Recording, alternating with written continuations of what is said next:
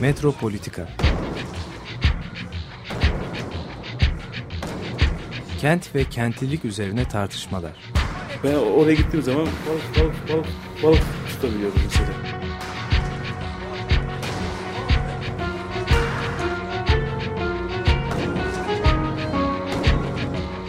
Hazırlayan ve sunanlar Aysim Türkmen ve Deniz Gündoğan İbrişim. Terk etmedi Perşembe Pazarı merkezini.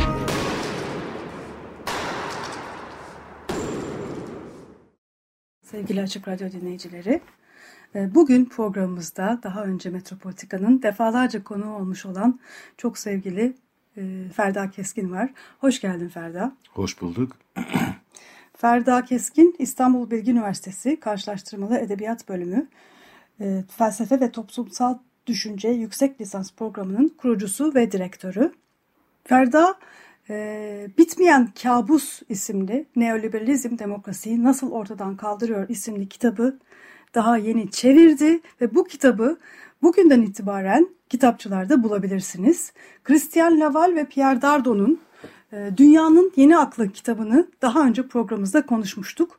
Bitmeyen kabus olan bu yeni kitap, Laval ve Dardon'un bu yeni kitabı ise e, dünyanın yeni aklının kaldığı yerden devam ediyor diyebiliriz. Ferda bunu bize daha da geniş bir şekilde anlatacak. E, dünyanın yeni aklı neoliberalizmi tarihsel bir çerçevede anlatıyordu. Nasıl oluştu, nasıl gelişti. E, bitmeyen kabus ise bugün neoliberalizm ne durumda, nasıl yaşanıyor, nasıl bir e, dünya yaratıyor. Evet Ferda, bitmeyen kabusumuz olan neoliberalizmi bize anlatır mısın? Teşekkür ederim öncelikle davet ettiğin için Aysim. Ee, gerçekten de e, Christian Laval ve Pierre Dardon'un e, daha önce 2012 yılında e, Türkiye'de, e, 2010 yılında Fransa'da, 2012 yılında e, Türkiye'de çıkan Dünyanın Yeni Aklı kitabı e, çok önemli bir e, neoliberalizm analiziydi. Bu e, analiz e, aslında biraz da neoliberalizm kavramının nasıl ortaya çıktığı, nasıl geliştiği ve nasıl zaman içerisinde uygulandığını e, çok kapsamlı bir şekilde e, inceliyordu. Fakat neoliberalizm tarihsel bir fenomen ve olduğu yerde durmuyor elbette. E, sürekli değişmek e, durumunda, değişme e, halinde e, ve ilginç olan nokta e, neoliberal e, sistemin e, birçok kriz yaşamış olmasına rağmen hala da e, canlı bir şekilde dünya üzerindeki e, egemenliğini sürdürüyor e, olması. Kapitalist dünyadan bahsediyorum elbette. Dediğim gibi 2010 yılında Dünyanın Yeni Aklı kitabı Fransa'da yayınlandı.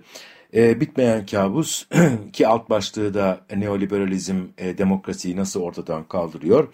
2016 yılında e, e, yazılmış olan bir kitap e, ve e, demin sözünü ettiğim sorulara, senin de sözünü ettiğin sorulara cevap arıyor. E, ben de bu kitabı çevirdim ama e, Pierre Dardot ve Christian Laval'in e, Türkçe'de yayınlanmış bir başka kitabı daha var. O da müşterek.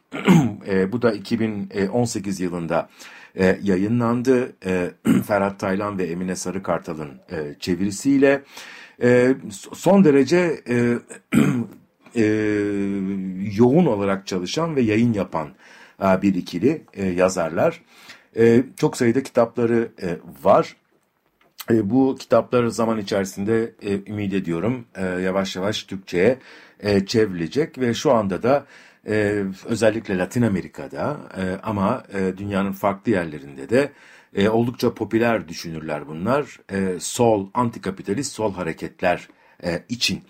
E, hatta Podemos onların müşterek e, kitabından kendi programında e, bir alıntı yapmıştı. E, bu anlamda da e, sanıyorum e, yavaş yavaş dünyada e, sol e, sadece teorinin değil e, pratiğin de içinde önemli bir yer ediniyorlar. Dünyanın e, yeni aklını da birazcık bize tekrar hatırlatır mısın? Dünyanın yeni aklı çevirisi güzel bir çeviri e, ama bir yandan da e, Fransızca ismini de tekrardan zikretmekte fayda var. Raison de monde. Raison du monde. La nouvelle raison du monde. Şimdi e, raison tabii çok e, yüklü olan bir kelime. Aslında Türkçedeki akıl kelimesi Arapça kökenli olduğu için e, bu zenginliği önemli ölçüde içinde taşıyor ama tabii e, Dardo ve Laval e, rezon derken e, bunu iki anlamda kullanıyorlar. E, bir tanesi rasyonalite yani dünyayı düşünürken izlediğimiz kurallar. Bizi dünyayı düşünürken belirli şekillerde düşünmeye mecbur eden kurallar. Kendimizi bir anlamda içinde bulduğumuz a priori ama bir taraftan da bir normativite. Öyle bir normativite ki e, bu e, neoliberalizmin dayattığı normlar üzerinden e, dünyayı e, algılamak, alımlamak, e, yaşamak e, ve bu dünya içerisinde e, davranmak. E, o anlamda rezon kelimesi bu ikisini içinde taşıyan bir şey. E, yani düşünürken kullandığımız e, kurallar, ikincisi davranırken takip ettiğimiz e, normlar. E, bu e, akl kelimesinde Arapçada zaten var bu anlam e, zenginliği ama biz Türkçe'de bu anlam zenginliğini çok da e, duymuyoruz. Bizim için sadece düşünmekle ilgili olan e, bir şey. Ama akıl kelimesinin merak eden dinleyicilerimiz e, etimolojisine bakarlarsa çok garip yerlere kadar gittiğini e, göreceklerdir. Şimdi burada vaktimiz olmadığı için tabii e, bu etimolojiye e, girmek istemiyorum. İlginç olan tabii bunu açtığın için söylüyorum. E, şimdi İngilizceye çevrildiği zaman e, dünyanın yeni aklı e, bunu The New Way of the World diye çevirdiler. Yani dünyanın yeni hani way nasıl diyeceğiz e, biçimi e, ya da e, gittiği yol e, ama tabii ki Fransızcadaki anlamı karşılamıyor bu. Ama İngilizce'de the, the new reason of the world demek de çok manalı değil. Dolayısıyla e, işte dillerin böyle özellikleri var. Yani belli anlam yükleri var. Bu anlam yüklerini doğrudan doğruya bir dilden ötekine e, aktarmak çok zor. Yeri geldiğinde işte bu örnekte olduğu gibi e, birbirine yakın olan Fransızca ve İngilizce e, arasında e, bu anlamı aktaramazken Fransızca ile Türkçe arasında birazcık daha kolay, belki biraz daha e, dinleyici kulaklara e, ses veren e, bir e, anlam e, transferi de e, mümkün oluyor. E, e, bu yeni akıl Türkçesi reasoning diye ben İngilizce'de hani gene de hani Fransızcasına daha yakın hissettiğim reasoning'i işleyişi, hı hı. E, dünyanın yeni e, rezonu e, nedir? Neoliberalizm yeni neyi bize gösteriyor? E, neoliberalizm dünyayı çok e, radikal olarak değiştirmiş olan bir e, doktrin ve tabii ki e, Pierre Dardot ile Christian Laval'in de e, ısrarla vurguladığı üzere neoliberalizmi sadece iktisadi bir doktrin olarak görmek e, çok yanlış e, bir şey olur. E, neoliberalizm e, bir öznellik biçimi, bir yaşam biçimi. E, sadece iktisadi bir doktrin değil, kendisiyle beraber getirdiği yepyeni bir politik e, düzen ve yepyeni bir hukuk anlayışı e, var.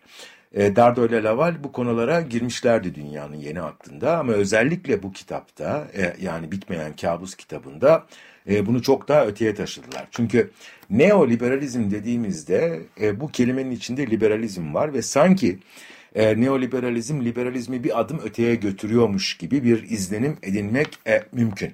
Halbuki bu doğru değil. Çünkü neoliberalizm aslında e, liberalizmin en temel e, doktriner ilkeleriyle e, çelişen ya da o ilkelerden uzaklaşan bir e, yaklaşım gerek iktisat alanına gerekse de politikaya. E, şöyle ki işte e, klasik e, liberalizm e, devletin olabildiğince iktisadi alanın dışına e, çıkması gerektiğini, görünmez bir elin iktisadi alanı e, e, yöneteceğini, e, e, piyasanın kendi dengelerini e, bulacağını e, ve bu anlamda da e, adeta bir metafor e, kullanacak olursak devletin bir tür gece bekçisi e, gibi e, görev yapması gerektiğini belirtirken e, neoliberalizm bunu tam tersine çevirdi. Neoliberalizm için e, devlet aslında son derece aktif bir fail olması gereken bir kurum. Ama bu aktivitesi e, elbette e, iktisadi alanın e, ihtiyaçlarına ya da sermayenin ihtiyaçlarına e, uygun olarak yerine getirilmesi gereken bir faaliyet e, veya aktivite. E, şimdi e, liberalizmin bir homo economicus kavramı vardı. Liberalizm için homo economicus e, bir e, mübadele insanıdır.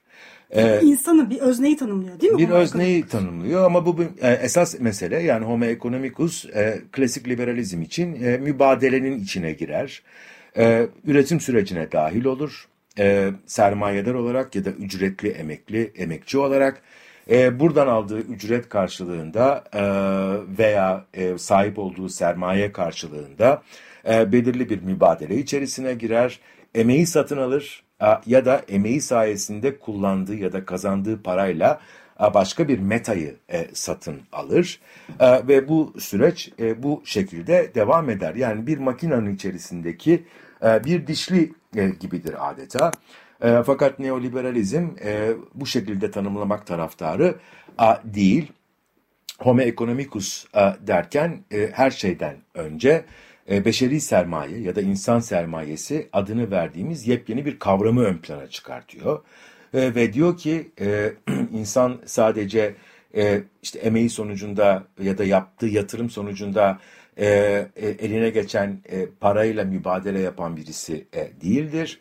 Bu anlamda makinenin içerisindeki bir çark değildir. Çok da aktif bir öznedir. Hangi anlamda aktif? Aslında e, ücretli emekçi de bir sermayedardır. E, peki sermaye nedir dediğiniz zaman tabii ki bu emek gücüdür. Dolayısıyla emekçi e, sahip olduğu emek gücünü e, piyasada işte satışa çıkardıktan sonra belirli bir ücret karşılığında çalışmaya başladığında aslında o emek gücünü bir sermaye olarak yatırıma dönüştürmüştür. A, ve e, bu a, yatırımı gerçekleştirdiği için de aslında bir girişimcidir. E, yani entreprise kelimesi Fransızca'da ya da enterprise kelimesinin e, işletme. E, iş, ama iki, iki şey yani entrepreneur diye bir kelime var Fransızca'da ki bu İngilizce'de de kullanılıyor. Bu şu anlama geliyor. Entrepreneur bir girişimci ama aynı zamanda bir şirket. Enterprise hem girişim hem şirket demek entreprise. Dolayısıyla e, siz e, kendi emeğinizi e, belirli bir ücret karşılığında satışa çıkardığınızda bizim açımızdan yani klasik antikapitalist perspektiften baktığımızda ortaya bir çelişki çıkar. Bu emek sermaye çelişkisidir. Değil mi? E, ve e, e, sermayedar satın aldığı emek gücünü e, fiilen emeğe dönüştürdüğünde e, onu maksimize etmek ister. Ondan mümkün olduğu kadar yüksek kar etmek ister. Emekçi de tabii ki buna karşı kendi haklarını savunur ve e, bu e, istismarı engellemeye, sömürüyü engellemeye çalışır. Sendikalar yoluyla, çalışma saatlerini e, işte belirli sınırlar içerisinde tutmak suretiyle, e, belli haklar talep etmek suretiyle, yan gelirler talep etmek suretiyle vesaire. Dolayısıyla emekle sermaye arasında bizim açımızdan çok radikal bir çelişki e, vardır. Bu çelişki bir antagonizmadır, bir mücadele alanıdır. Ve bu mücadele çok uzun zamandır e, devam ediyor özellikle 19. yüzyılın sosyalist hareketlerinden e, bu yana. Ama böyle bir kavramsal akrobasi yaptığınızda yani emek aslında bir sermayedir dediğinizde hem emek sermaye çelişkisini kavramsal olarak ortadan kaldırıyorsunuz hem de e, emekçiyi kendi emeğinin bir sermaye olduğunu düşünmesini sağlamak suretiyle onu bir tür şirket olarak kendi kendini tasarlamasına yönelik olarak e, yapılandırıyorsunuz. Ve e, tabii bunun devamı da var. Devamı şöyle bir şey. Eğer herkes, e, her e, emekçi bir sermayedarsa e, ve dolayısıyla kendi kendinin şirketi ise e, e, ve başarısız olursa e, o zaman bu şirket iflas etmiş demektir. E, iflas etmiş olan bir şirkete ne devletin ne de toplumun bir borcu yoktur. O kendi kendisinin suçudur. Dolayısıyla işsizlik sigortasıymış, ya da işte e, buna benzer bir takım toplumsal dayanışma mekanizmalarıymış vesaire. Bunların hepsi e, ahlaki olarak yanlış şeylerdir. Dolayısıyla bunların yapılmaması gerekir e, şeklindeki bir söylem. Özellikle 70'li yıllardan itibaren ve yine daha da özellikle e, Chicago ekolüne mensup e, işte Milton Friedman, Ross Friedman, Gary Becker gibi bir takım isimlerin ki e, bunlar arasında Nobel e, İktisat Ödülünü almış olanlar da var. E, ne oldu? E, ciddi şekilde e, teorileştirildi ve e, e, sirkülasyona, dolaşıma e, girdi. Bugün hala dünyanın e, yani kapitalizmin e, e, şey olduğu, geçerli olduğu ülkelerde e, e, örgütsel e, davranış e, teorilerinde ya da şirketlerin kendi iç düzenlemelerinde bu kavramların çok sıklıkla kullandığı, kullanıldığını e, görebilirsiniz. Yani çalışanlara işte bakın sizler birer girişimcisiniz, birer sermayedarsınız. E, dolayısıyla e, bunu e, ve dolayısıyla rekabet içerisindesiniz ötekiyle. Şimdi bu anlamda e, çok önemli bir nokta, liberalizmle neoliberalizmi birbirinden ayırt eden çok önemli bir nokta tam da rekabet. E, çünkü e, e, liberalizm rekabeti doğal bir şey olarak düşünüyordu. Halbuki liberal, neoliberalizm diyor ki insanları kendi haline bırakırsanız rekabete girmezler. Dolayısıyla devlet eliyle rekabet yaratmak gerekir. Yani o rekabet e, her şeyden önemli. o anlamda da rekabet sadece şirketler arasında değil, şirketler içinde çalışanlarda ya da şirket bireyler arasında olması e, gereken bir şey. Bu da korkunç bir tabii ki ne yaratıyor? Stres yaratıyor. E, yani ve e, aynı mekanda çalıştığınız ve dayanışma içerisinde olmanız gereken insanı kendinize hasım olarak görmeye başlıyorsunuz ister istemez. Ve bu rekabeti arttırmak için de bir sürü kural getiriliyor. Performans kriterleri mesela. Yani yıl sonunda belirli bir noktada hangi yani şey yapılmış, e, e, nicelendirilmiş belli puanlara göre bir performans değerlendirmesi. İnsanları buna mecbur etmek. Bunlar tabii çok korkunç mekanizmalar. Yani bu dünyanın yeni aklı, yeni işleyiş biçimi e, sermayeyi eskiden e, olduğundan çok daha geniş bir alana yayıyor. Yani hayatımızın her tarafına, her ince ayrıntısına yayıyor. Eskiden sermayedarın, e, sermaye sahibinin belirli bir tanımı vardı. Artık bu tanımın hiçbir şekilde bir sınırı yok. Hı hı. Her tarafta var. E, toplumsal eti, ilişkilerin tamamına yayılmış e, durumda. Emeğin de sermaye olarak tanımlanması bu anlamda e, şöyle bir şey de denk geliyor herhalde. Yani eğer sermaye olarak tanımlayamıyorsan ya da iflas ettiğin zaman artık insan değilsin. Evet maalesef öyle.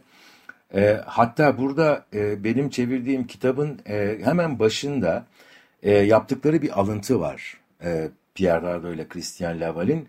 Belki e, o e, e, bir çok uzun bir cümle ama tek bir cümle olduğu için belki o cümleyi okumak e, ilginç olabilir. E, şöyle e, Leslie Kaplan diye birisinden e, Mathias et la Révolution, Mathias ve Devrim e, diye e, bir e, metinden yaptıkları bir alıntı. E, şöyle alıntı. Hemen ardından takım elbiseli genç bir adam odanın ortasına geçip bir konuşma yaptı. Kimse onu dinlemiyordu ve o da kimseye hitap etmiyordu. Değişikliğe, evet, gelişime uyum sağlamak gerekiyordu. Ve gelişme öyle rastgele bir şey değildi. Gelişme ölçülebilirdi. Gelişme karlılıktı. İnovasyonda bulunmak önemliydi. Herkes sorumluydu. Herkes yerini bulmakla, tarzını bulmakla yükümlüydü. Asla geride kalmamak, eskiden kalma fikirler ve davranışlara takılmamak gerekiyordu. Meydan okumalarla, rekabetle yüzleşmek gerekiyordu. Piyasada kimse yalnız değildi. Herkes elinden geleni yapmalıydı. İşte bu e, aslında alıntıyla girince kitaba e, zaten e, biraz e, dikkatli okuduğunuzda e, bütün meseleyi anlıyorsunuz. E, artık böyle bir dünyada yaşıyoruz ama böyle bir dünyanın krizleri e, bu kadar e, yoğunken bu dünya nasıl yani bu akıl kendi kendisini nasıl muhafaza edebiliyor e, ve bu sistem nasıl varlığını koruyor sorusu çok önemli bir soru ve e, bitmeyen kabus. Yani e, ikinci tam, kitap. İkinci kitap tam da bu sorunun cevabı. Şimdi çıkan kitap. Evet, evet. E, bu kitabın e, alt başlığı da neoliberalizm demokrasiyi nasıl ortadan kaldırıyor? E, krizler e, nasıl kendini tekrardan tekrardan üretmesini sağladığı gibi demokrasiyi de nasıl artık hayatımızdan çıkarıyor. Evet aynen öyle. Birkaç farklı veçesiyle ilgili bir şey bu tabii ki. Şimdi ben kitabı çevirirken e, sadece Fransızca e, orijinal versiyonunu değil e, aynı e, zamanda kitap 2019'da Fransa'da yayınlanmıştı o zaman okumuştuk. E, 2019'da İngilizce çevirisi e, yayınlandı ve 2016 ile 2019 arasında tabii dünya önemli bir takım değişiklikler gördü. İşte Trump seçildi, otoriter rejimler daha da e, tahkim edildi, konsolide oldular e, işte Bolsonaro ya da e, başka örneklerden söz etmek mümkün e, burada. E, ve İngilizce baskıya yazdıkları e, uzunca e, bir ön sözde e, kitabı güncellemişlerdi. Dolayısıyla ben de özellikle İngilizce ön sözü çevirdim. Bir de Türkçe e, baskıya da bir ön söz e, yazdılar sağ olsunlar beni e, kırmadılar.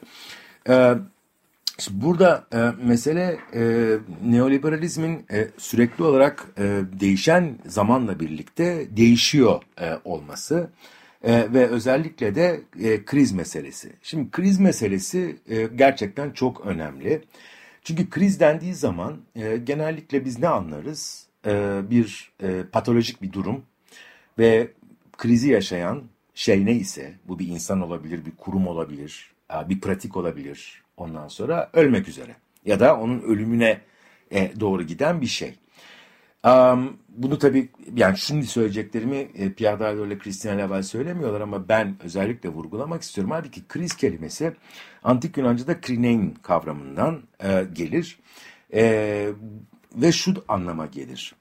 E, e, sınır, yeniden sınır çizmek, ayırmak, e, karar vermek, e, hüküm vermek e, e, ve uç noktada eleştirmek. Çünkü kriz kelimesiyle kritik kelimesi aynı kökenden gelirler Batı dillerinde.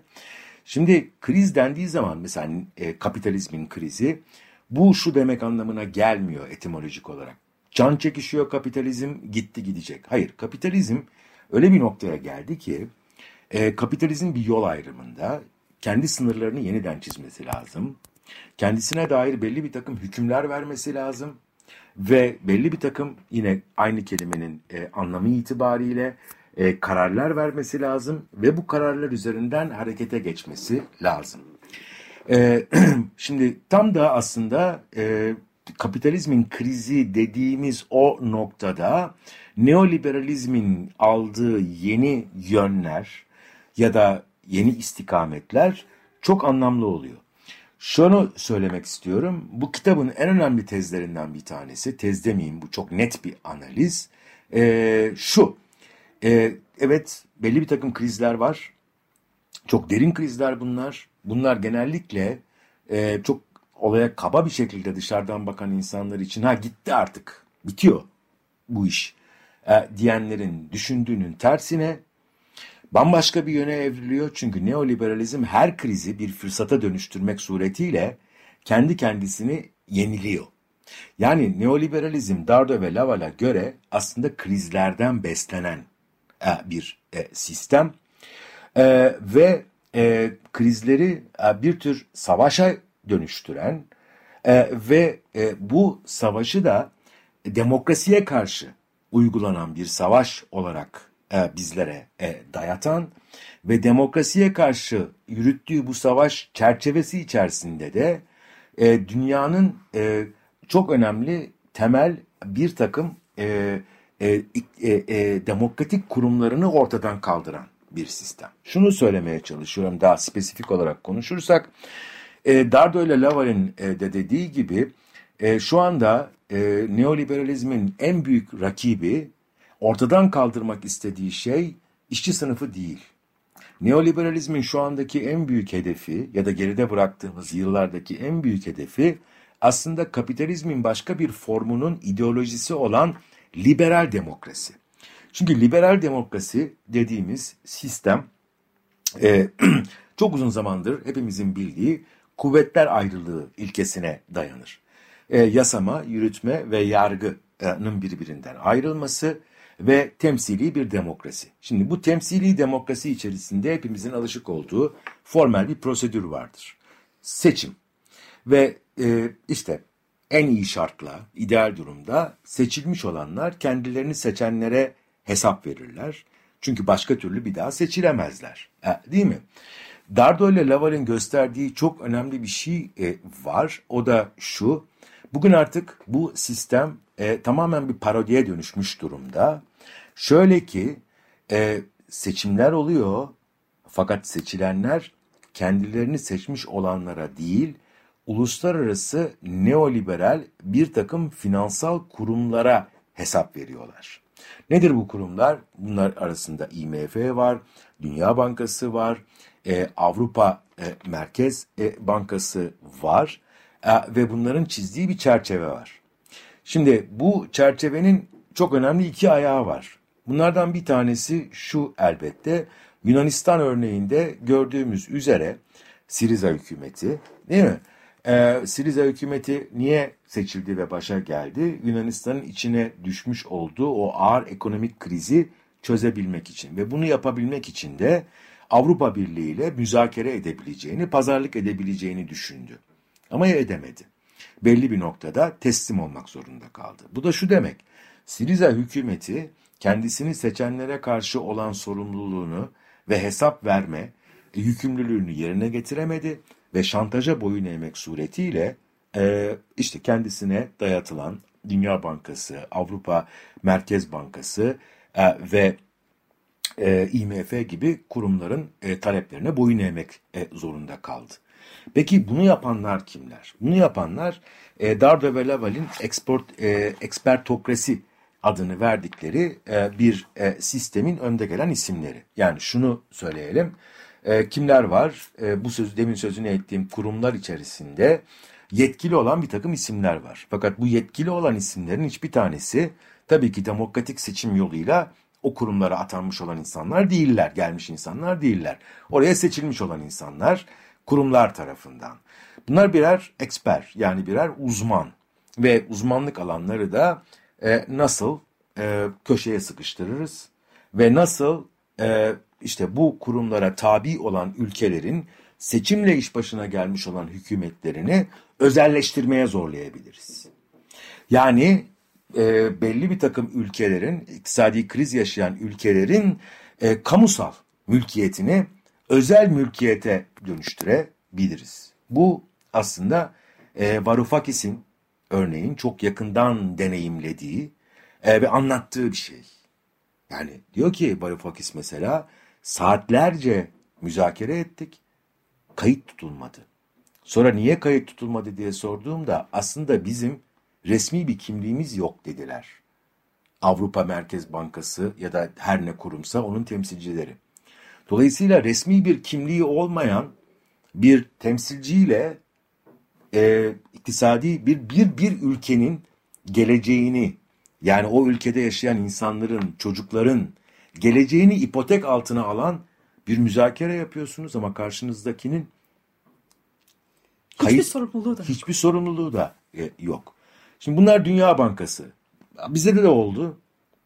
Kim oldu mesela? Kemal Derviş. Kemal Derviş geldi. Mehmet kriz Ali esnasında, Babacan da devamıydı. O da devamını e, yaptı bunun tabii ki. E, yani bu çok önemli. İşin bir tarafı bu. Yani seçimle gelmiş olanların sorumluluğunun e, zemininin e, kayması.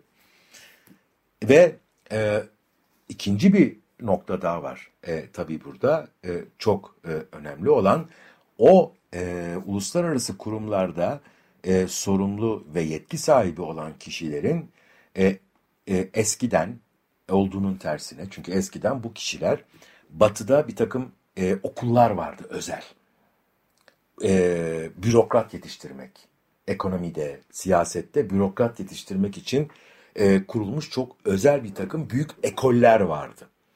Artık oralardan gelen insanlar görev almıyor. E, sermayenin, özel sektörün, sermayenin finans kuruluşlarında yetişmiş insanlar bu uluslararası kurumlarda eksper görevini görüyorlar. Dolayısıyla Dardo ile Laval'ın kullandığı çok güzel bir tabir var. Ozmos. Yani iç içe geçiş. Yani sermaye ile uluslararası finans kurumları iç içe geçmiş durumdalar. Bu anlamda tabii ki o eksperlerin e, kimin çıkarını güdeceğini sorusunu sormak bile manasız. Yani gelecek diyecek ki bunları işte özelleştireceksiniz.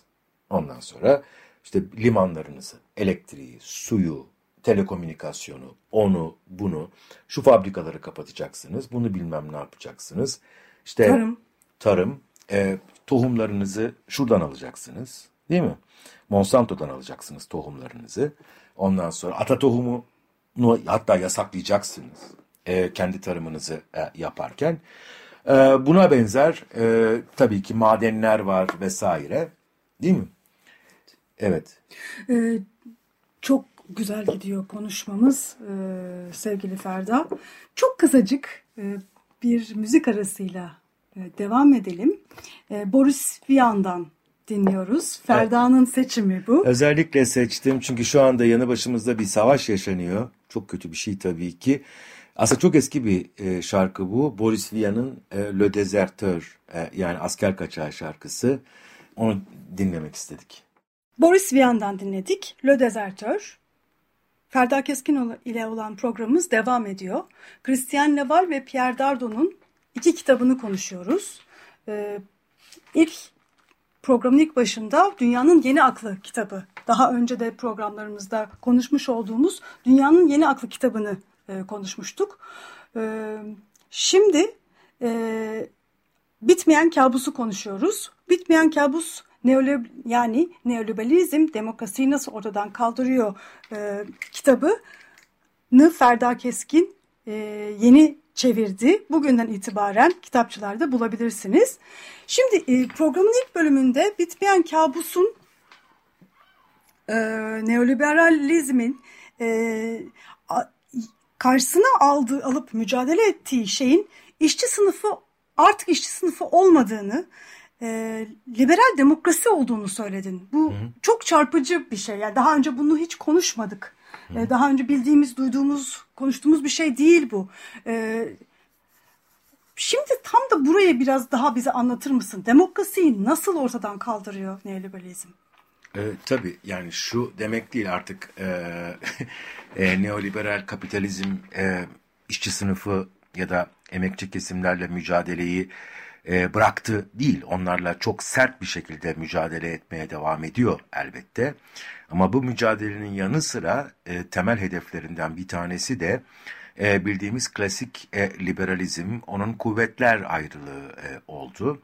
Şimdi kuvvetler ayrılığı derken de dedik ki e, aradan önce, müzik arasından önce e, tabii ki... E, işte e, seçmen, seçen, seçilen e, e, ve temsil eden, temsil edilen e, arasındaki e, karşılıklı e, sorumluluk ve hesap verme ilişkisi e, çok önemli bir şekilde e, yer değiştirdi. Fakat e, ikinci bir nokta daha var burada önemli olan e, ki bunun tarihi e, daha da eski. E, e, o da e, Hayek'e kadar geri gidiyor ki Hayek e, işte çok önemli, en önemli e, teorisyenlerinden bir tanesidir e, neoliberalizm.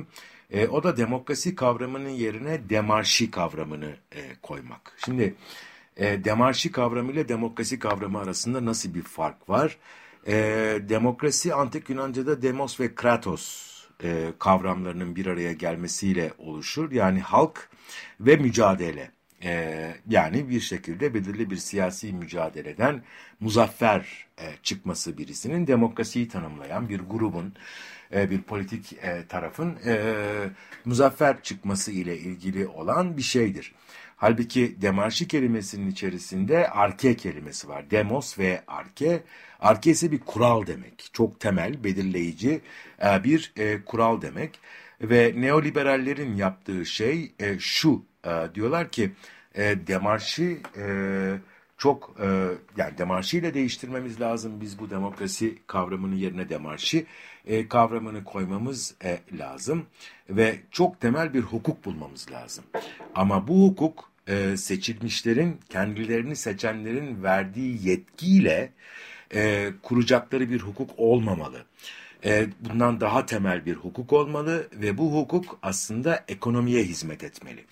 Dolayısıyla e, politikayı e, ekonominin hizmetine, ekonomiyi meşrulaştırmak için e, kullanılan bir mekanizmaya dönüştürmek.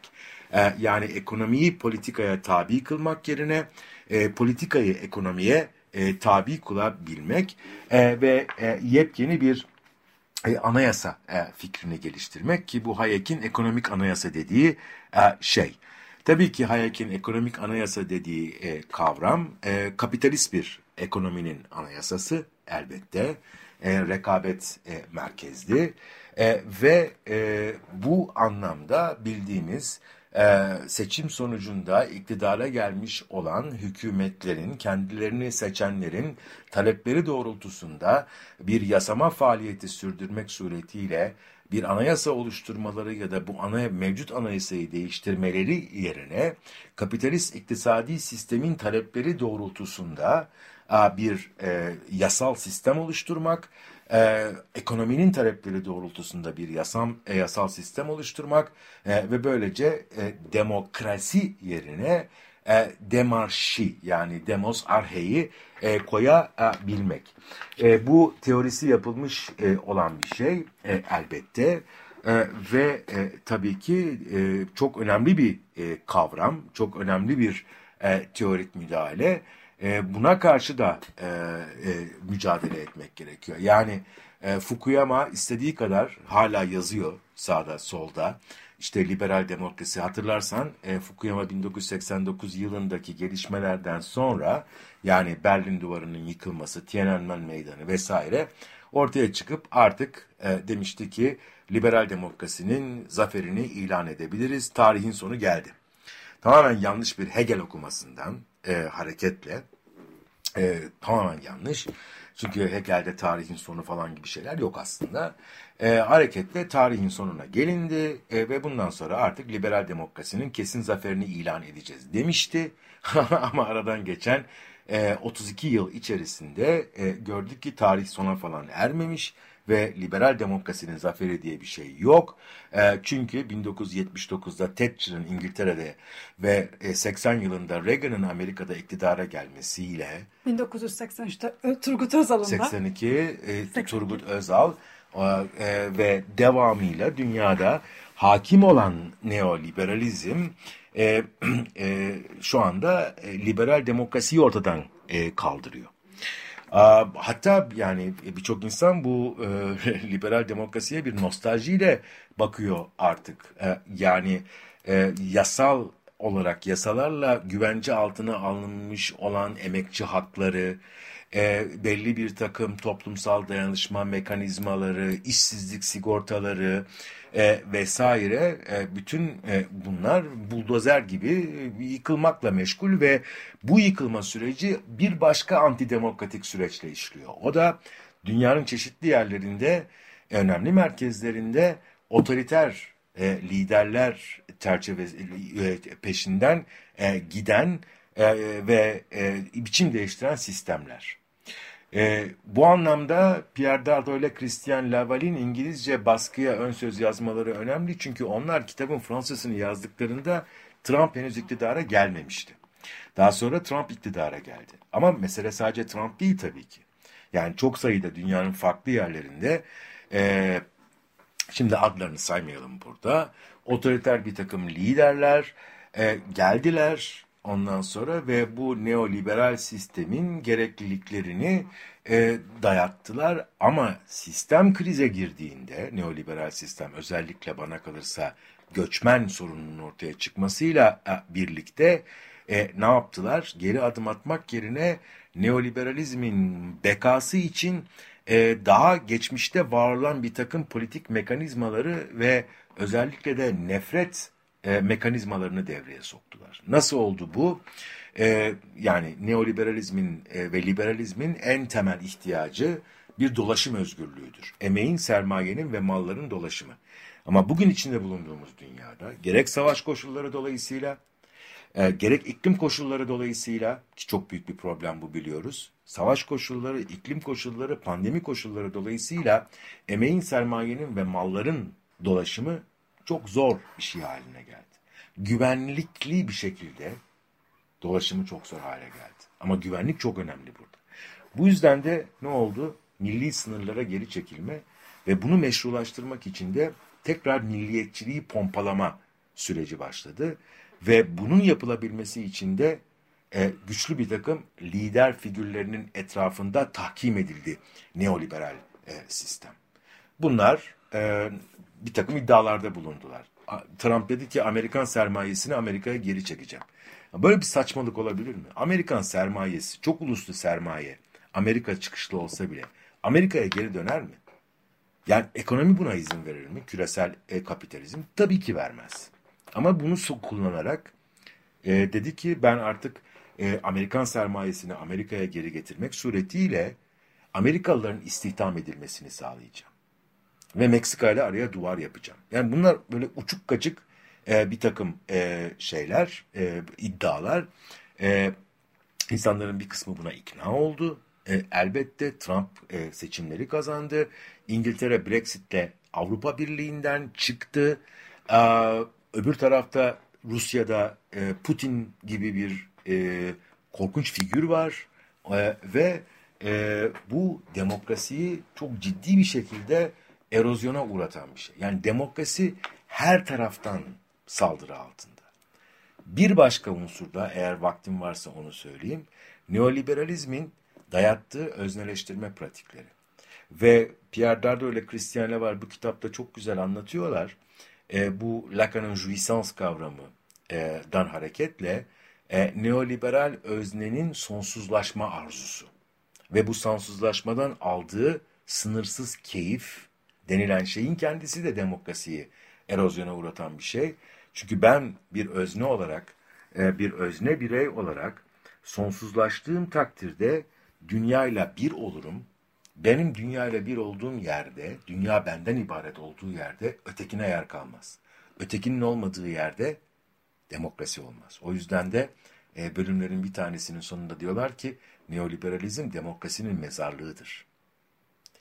E, ve maalesef e, bugün e, neoliberalizmin e, kullandığı söylemle insanları özneleştirmek için uyguladığı pratiklerin merkezinde bu, bu var. Yani bir haz mekanizması ama acı da verse bu haz ki jouissance acı veren de bir şeydir yeri geldiğinde Lacan'a göre insanı dünyayla bir olmaya zorlayan, dünyayla eş kaplamlı olmaya, dünya ben olsun, dünya benim olsun arzusuyla yaşayan bir insana dönüştürüyor. Burada da olmaz demokrasi. Yani demokrasi otoriter rejimlerde güçlü liderlerin e, toplumları böyle adeta e, bir jet motoruymuş gibi ittirdiği yerlerde e, uluslararası kurumların e, demokratik mekanizmaların yerini aldığı yerde bireylerin sonsuzlaşmaya çalıştığı yerde maalesef demokrasi olmaz ve neoliberalizm bütün bunların hepsini yapıyor. Ve Pierre Dardot ile Christian Laval de tam bunu anlatıyorlar. Aslında bu son dönem 10 e, senedir gördüğümüz bu e, otoriterleşme eğiliminin neoliberalizmin sonunu getirdiğiyle ilgili de tartışmalar yok değildi yani değil mi? E, neoliberalizmi liberalizmin zaten devamı olarak gören bir anlayışın devamı evet. olarak da bunu görüyorduk. Tam da e, Dardo ve Laval e, bunun bir e, hani bu, bunun neoliberalizmi nasıl yanlış bir şekilde yorumlama olduğunu söylüyor. Evet. Tam da krizden de bunu söylüyorsun. Krizlerle birlikte neoliberalizmin tekrar kendini e, yenilediği başka bir varyantının bugün gördüğümüz varyantının oluştuğunu söylüyor. Aslında bu da e, neoliberalizmi de şimdi aslında bir anlamda tarihselleştirmiş de oluyorlar öyle Tabii. değil mi? Neoliberalizmi tarihsel olarak görmemiz lazım zaten. Çünkü neoliberalizm burada biraz belki Weberyen bir terminoloji kullanmam e, uygun olabilir. E, neoliberalizm aslında bir konfigürasyon, bir konstelasyon yani bir e, belli bir takım e, nedensel ilişkilerin bir araya geldiği ve tarihin verili bir anında son derece tekil olan e, bir konfigürasyonu ortaya çıkarttığı bir durum. Şimdi bunu anlayabilmek için bunu tarihsel kontekste yerleştirmek lazım. Yani neoliberalizm niye böyle, bugün niye böyleyiz sorusuna cevaben e, bir takım evrensel iktisat yasaları üzerinden dünyayı açıklamak, neoliberalizmi açıklamak ve ileride ne olacağına dair bir prediksiyon yani bir öndeyide bulunmak bence yeterli değil. Neoliberalizmi anlamamız lazım. Açıklamak yerine Weberyen terimlerle söylemek gerekirse anlamamız lazım. Anlamak için de demin sözünü ettiğim o nedensel ilişkilerin tarihin bu verili anında e, nasıl bir konfigürasyonu ortaya çıkarttığını görebilmemiz lazım. Ve bu konfigürasyonun bir öncekiyle daha öncekilerle nasıl farklılaştığını ve ileride nasıl bir şey, bir yeni konfigürasyona yol açabileceğini görmek lazım. O zaman çok anlamlı oluyor işte o perspektiften baktığınızda neoliberalizmin kendine hedef olarak klasik liberalizmi alması. Klasik liberalizm önceki çünkü e, varyanttı, önceki konfigürasyondu ama o maalesef kar oranlarının yükselmesini mevcut koşullarda sağlayamıyorsa o zaman yeni bir konfigürasyon yaratmamız lazım. Onun için de yeni bir takım nedensel ilişkileri devreye sokmamız lazım. Onun için devleti rekabet yaratan bir kurum olarak tekrar devreye sokmamız lazım. Ama bir taraftan da e, devlet mekanizmasını uluslararası kurumların yönetimi altına sokmamız, onlara hesap verebilir kurumlar haline getirmemiz lazım. Bu çok karmaşık bir süreç ama böyle işliyor. Dolayısıyla yukarıdan aşağıya yani böyle bir ha işte elimizdeki kurallar, kanunlar bunlar insan davranışı böyle bir şeydir. Şu yasalara itaat eder. Ondan sonra e, vesaire diye yukarıdan aşağıya bu yaptığınız zaman açıklarsınız. Bu çok önemli bir şeydir. Yaptığınız bu yasalar terimleriyle yaptığınız açıklama ama açıklama anlamak değildir. Yani içinde bulunduğumuz dünyayı anlamak istiyorsak anlamak çünkü bizim gündelik hayatta çok rahat kullandığımız bir kelime ama felsefi olarak baktığımızda çok yüklü bir kelime. Anlamak çok ciddi bir kavram. Bir şeyin ne olduğunu söyleyebilmek.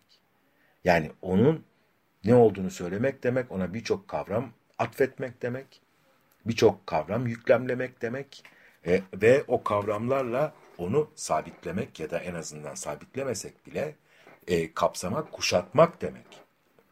E, iktisat yasalarıyla, matematiksel bir takım e, formüllerle bunu yapamayız.